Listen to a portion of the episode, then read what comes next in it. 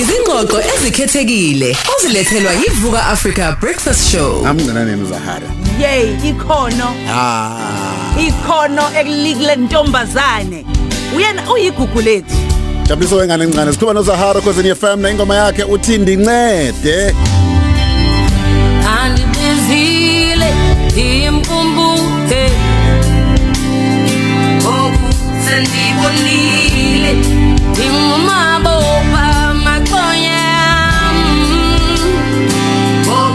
ngoku sendibonile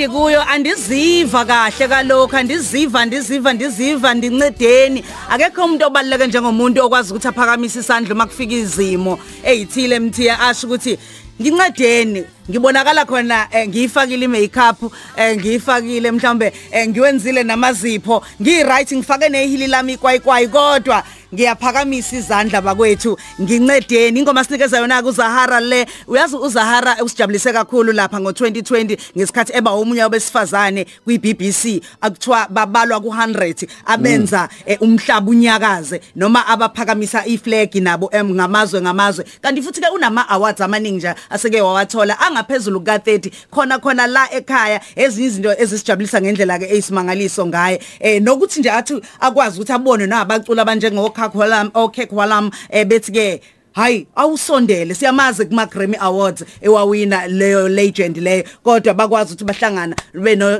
Raha no Zahara kwaba khona bakwenzayo ezinye izinto esenza sithi uyigugu lethu. Yey, sithetha ke no bulelwa mkudukana molo tate. Molweni njani? yeni philile manje unjani wena? Ngiyaphila. Hey, kudala Wena ndivuka kamani kam- kamhlanje ndivuka ngani? hey kudala nakugqibela yewethu man Eh. hey uright kodwa Ah ndiyaphila. ladies and gentlemen Ndiyaphila sikhuluma- sawuthini? sawuthini unqabile unqabi Eh ndinqabile ndiyayazi kaloku kudala kodwa nako ke umazethi wenu Mm. nanso ke album. Siyabonga. Yandazi kaloku mina uba na album ndahlala nqabile. Sawuzungibone na TV sawuzungibone nathi na. then iqhamuke i-album then sesiyakubona Yes. ngiyafika sikhulume nge-album but kodwa ke angikwazi ukukhuluma ngozahara ngingabheki ezinye zezinto. Mhlawumbe sidluliseni zona and then sikhulume ngomusic wakho because today azizile ukuzoveza into eyiningi hey ka- ka- ka- kade kukhulunywa a lot ngawe zahara. I'm sure nawe ezinye zakhona Yo hayi ndikuxelela. hayi kuthiwa uyasela ntombi. Yewethu Hayi. hayi ustrong wesa Ngiyathusa. Thi uyabutya. Asicela sikhulume ngale ngale alcohol abuse. U- u- uyizula indaba njengalesi uthini? Siyayazi loo nto leyo but um qala bikade ngikhathaza cause bendiqonda ayisuka bonke abantu basela mos nalo uthethayo? Uphethe isavani ubeke enhloko Yewe but uzothetha ngosela kwami if ndiyafuna usela kanti funa usela ngelo xesha ndizosela ngelo xesha. Yeah. it doesn't mean xa ndiyasela but it's just that maybe ebantwini kufuneka ndingaselanga Mm. at all. It's not- bengakuboni. if bendisela kakhulu ubungasozifumani nale album. Mm mm mm. Ubungasozikwazi undibona naphi na ndimhle ndiqhafuqhafu ndinje wow. Sakhuluma If ngalo that- it was the case. Mm. But kodwa ke i- i- i- ifike kanjani kuma family abantu abakuthandayo ba- ba- bayimukele kanjani? Ah bona bandaza ndithi ndihlala nabo. Mm. So abantu that's why they always say sources say kwawena zange undibone naphi Yeah. na noba kuthiwa ndiyasela ndiyathini? Zange ubone nefoto yam ndiphethe ibhiya or ndiphethe utywala zange uyibone ifoto yam mm or ndisekafeni ndiphethe utywala. So bandazi if bendizenzela ezo zinto ndizenzela kwam endlini. Yeah. not eh, ngapha ngaphandle undibonwe. So aba sources say ngulow lapha endlini apha kwam. So what i do in my house yile nto ndiyenze ndizenzela kwam nothi kwakho or kwenye indawo. Usho ukuthi eh, umusela am- unga- uzenzele endlini kungenzeka ukuthi khona osuke esendlini usuke ebukela bese ekhipha indaba mhlawumbe ayikhiphele ukhona lapha endlini. Mhlawumbe sizonwabe lapha siyazibrayela yena nanku mhlawumbe enze loo nto afuna uyenza. That's why Fantastic. kuthiwa source say. Because kufuneka ngumuntu olapha endlini. Yo uyazi ziningi ezinye izinto eke zakhulunywa ezithinta kakhulukazi igama lakho. Nawe kukhona lawo ngathi ukhathazeke khona uthi i record label lo kade unayo ngaphambilini ngathi iyakweleta imali ethile. Naye waqhamuka loyo wathi hayi naye uzahara uyangikweleta. U- ungikweleta imali ukuthi I- ubani kalokweleta uyakweletwana omunye? nje. Ah, ah, andithole ngiphendule leyo because andonqena uthetha igama apha eradioweni. Um andazi noba ndizothi na yinto e- e-right nale or ucinga fanele becinga kakuhle nangoku ebeyithetha or abesesimeni esihle nangoku ebeyithetha leyo nto ubhuti lo. Yena bendithe yena masihlale etivini phantsi sithethe soyithu akathethe ezinto ezizimanga azithethayo. Because ndifuna imali yam phaa kuba bakandinika imali yam nangoku. Mm. Andinawuphuma ndiye ezindabeni ndiyofuna imali yam kanti ndiyabakweleta. Even ndibakweleta ngeke kudala bona ba- mna i've got facts makaze nee-facts up. Mm. Okay bayandikweleta bayayazi andiyazi cha ngumhlangano otheni lo Yeah, yeah. Ngi ngi- ngi- ngibuka into ishilo I'm just noting ukuthi uyasho ukuthi kwakhona la endlini kunabanye abantu ongathi mhlawumbe wenza into zakho then they will take pictures and what what and videos bayikhiphe. And eh, ama kunama rumors athi usanda kuhlukana ne ne ne, ne, ne manager yakho eh ebekade khona kuthiwa usuze wayikhipha ngisho nasendlini yakho. Now that usu- usune company entsha eh o- o- o- uyisurround manje ngabantu obathembayo. Iyiqiniso lawo ma rumors lawo? Ah, an- andizothi ndimkhuphile Im- apha endlini kwam kudala ifumele apha endlini kwam okay. Yena. But ke uko- ukusebenzisana kona hayi nyani sathi sasebenzisana. Mm uzothi umunye umuntu oh maybe uyena bethatha ama photos ungathini umuntu osho njalo? Hayi uvele wathi nje okay maybe wathatha ama photos nama video ami. Ndiyagqotha apha manje. Kulungile Zahara it's fine ungaphenduli sanimene bulisomeza nimene ngenza kubuze nangomjolo the pandemic ngenza kubuze Yebo. wethu hey Oh. sendiyayeka sendiyayeka. Eh lomhlolo kawume. Hayi siyasho wezahara ngomjolo oh the pandemic oh Yo ipandemic leyo ngaba ngathi ukhe kwathiwa ngimithi Eh. kodwa sithathile and bafaka nabantu abarongo nje na- nakwezi pictures Yeah. Hayi, eh, eh. But kodwa into So, ukubonisa uba amaphepha a- awasasebenzi ngoku abasahamba abantu abafuna ukusebenza. Ngoku kuthathwa le nto uyipostileyo. Yeah. unoposta nje mhlawumbi ugone nomfana. Sokuthiwa Oh. umfana wakho. Uphinde kule vezi zandigone omnye umfana. Umfana wami nalowa phinde ngigone omnye umfana. Umfana umfana wami. wakho nalo. But into engiyaziyo mina ethi abayikhonkoti imoto emile. Hayi njalo ikhona into abayibonile but ingxaki abana-facts because abafuni ukuhumba bafuna uhamba bayokhangela. Njalo asithethe ngealbum yakho Zahara. Eh nqaba yami hey why Eh. nqaba yami why nqaba yami hey ndiyibhale even before i- i-covid. Mm. Um bendithetha ngobomi bam. Yeah. Eh ubuyaqonda. Ap- ukuphuma kwam after ndiphume kwi-record label ndazama uzimela yonke into. And ndifet ndibone ingathi yonke into iyawa emacaleni kwam yeah ndaphanza uthathelwa zindlu yonke into nje kuyawa. Ngapha kune kune-tax ngapha kune into ezininzi nje. So besides nalapha ebomini bam nje emotionally physically spiritually i felt like ing- ingathi i'm stripped naked yeah but neyaba nale nto uba uthixo esekhona ndisenalo elinye ithuba ndisenalo elinye usuku ndisenokwenza enye utshintsho Yeah. ebomini bam. So ndinayo ichance yo- and ukwenza enye ichoice. And ke izawudiphenda phaa kum uba le choice ndizawuyenza izawuba yichoice enjani na? So inqaba yam le album yonke ayinoba ikhona ingoma ethi inqaba yam phaa ukuyakhumbula twenty i think ibingu-twenty fourteen ibingo-twenty fifteen. Yeah. izikwazi Mozambique ibise um, eZimbabwe. Kukho umfazi owazala umntwana phezu komthi kwakunesikhukhula siyakhumbula wazala umntana. So Yes. inqaba yakhe it's what you hold on to wabambelela kulaa mthi wade wazala waphila yena nomntana waphila pha. Kodwa kunesikhukhula izindlu zingabonakali. So le nto imna ndayifumana inqaba yam yandenza uba ndiphinde ndikwazi uphakama phinde ndikwazi ukwenza lo music phinde ndikwazi uba nesibali lam phinde ndivuke ngomso. Yinqaba yam so for wena ingaba inqaba yakho ingaba yinto ezininzi. Ingangumamakho inganguzizinyanya zakho ingangamanzi ingaba yipijama yakho ingaba sisaskipa kawusijongileyo ingaba yitshomi yakho. Bambelela kuloo nto le nto ikwenza uba uvuke ekuseni uphinde ukwazi uphefumla. Then usene chance yophila wow. Uyazi nge- eh, thina kwesinkathi siye sithi masikhuluma eh, ngesizulu masikhuluma ngayo inqaba eh, eh, uzwe ukuba ukuba ila sifihla khona izikhali zethu ilapho esibalekela khona uma ngabe mhlawumbe sijahwa yimpi eh ilapho kubekwa khona ingane bephuma abantu bahambe eh, be- be- beyempini eh kuthiwa ngenani la enqabeni. Kuningi nje okwenzakalayo kusho ukuthi ngempela uqinisile ukuthi ke ungakubuka ngeindlela ezihlukahlukene yini yenza ukuthi eh, i-album yakhe ithathe isikhathi eside? Hey! Eh ndidla ndidla ngohlala ndisithi mina ndingazenza i-hit every day. Uba ndiyafuna mm. But kuma ayiyo for example ndingenza nangawe ndithi nangoku ndihleli nomroza ndihleli nobucimeza silapha ekhosini. Ayoyoyo ma i can always do that. Yeah. But yeah. ku- but kuma yiyo ngaloo nto ndilinde ixesha lobalisa ibali lam mm. And ixesha likathixo lixesha likathixo ngoba ndiyayazi abantu once ndakhupha i-album bafumana ibali labo apha ebalini lam njengokumzekelo ngoku i- i-album ithi nqaba yam le i was expecting niz- nizovula ngonqaba yam for interview and then niyovala ngale nivala ngayo. Uz- nizikhethele yena undincede. Mm. Because apha i-albumini uzifumanele lakho ibali ila kuyewe e- e- kule album so wonke umuntu uyazikhethela ingoma yakhe. Yiyo loo nto ithatha ixesha. Wow. Iphinde kulena umsebenzi hayi esiwenzileyo mm and mina i believe it's a timing of god because nansi ipandemic sonke si- sifuna inqaba. Yeah ay Ngiyabona. Si- sidibene nepandemic apha sithe sisathi sathi isifumane yonke indawo epokothweni eh, spiritually mentally physically emotional le le covid. U- u- abantu uya- abanamsebenzi.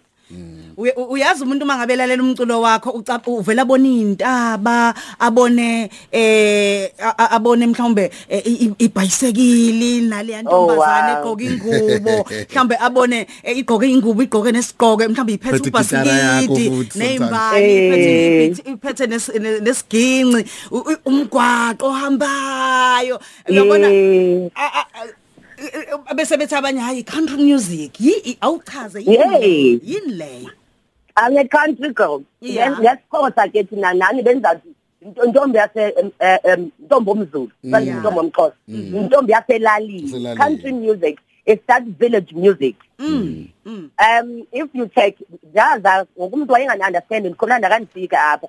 Ababe nga understand umculo wami even not the rocker because of that abantu bakhe badlisana nomntombazana lethi katara. yeah. And then umusic wami wohluka even though ohlukanga kakhulu ivoice yami kwabanye abantu but umculo wami wohlukile uwazi saqala Mm. iwest ngoku kuleni album i went ndayothatha ujourney mm. ujourney flerner ngapha etexas lo udlalela yabona u- ublake lo Yeah. what the voice yes in yes. america. Mm. Lo udlalela yena. ndayothatha yena Ay, izo izopasa lento leuve nyani le zinto ndithi country music. Because ubuyisela ebuntwini bakho it, it shows you that the soul is still within you. That's why i'm a country girl i'm called a country girl. Wow. Zahara eh, ng- ngijaha ukuthi nidlale le le ngoma inqaba yami. Eh imessage ungayibhekisa kithina abantu base South Africa sikusupportile ufika wathi loliwe wahamba nazo kwaze kwafika manje. And unalena entshe ephumayo iphuma today vele ne? Sorry? I- i- iphuma nini album isiveli out. Oh yeah the album has been number one for um, for what two weeks three Two weeks, weeks. on the I, itunes and and apple music number one. And namhlanje ke For three siya- weeks. si- siyiphinda futhi sihlalisa ke the whole week ke manje the weekend. Ungathini kuthina ukuthi ucela support again esike senza before? Bendizawuthi kuni ndiyabulela kakhulu. Ndingulo mntu ndinguye njengoba ndikwazi ukuthi ndincede because ndiyayazi uba nikhona. Aniyazi mina uba indlela eninceda ngayo. Laa mithandazo yenu nalaa nto khandidibani nani noba kwenzeka ntoni namhlanje nithi zara ungawari mntanam sikhona yeah zawuhlala sikuthandazisa. Indinika ithemba. Nalaa nto uba ndiyayazi uba nami ndinika ithemba laa nto uyazi uba ndiyakwazi uba ni- ndisaniphilisa. Ndiyabulela uba nam namhlanje ndiyakwazi ubeka isonka etafuleni ngenxa yenu. And noba nisandomkela njengomntana wenu wesizwe. Ndibulela kakhulu. Kodwa ke mandithi before nam ndikhona akubonge ekhosini Naso akubonge ngoba benzadibhekela ibheke ndiyabulela ngo- ngoba nihlale ninika i-platform yoba ndikwazi ubalisa ibali lam. Ndibulela Okay. kakhulu enkosi kakhulu. Izinto izobuyela back futhi andizobuya zimore njani before. Enkosi. All right. Nkosi sana ndiyabulela ladies and gentlemen uzahara uthi nqaba yami. Siya kulwazi times 2 ngekudala sipholisa ulwazi sendilingile ndalingekana. Eh bazame ukundenza esiyata namndayatazeka eya eya.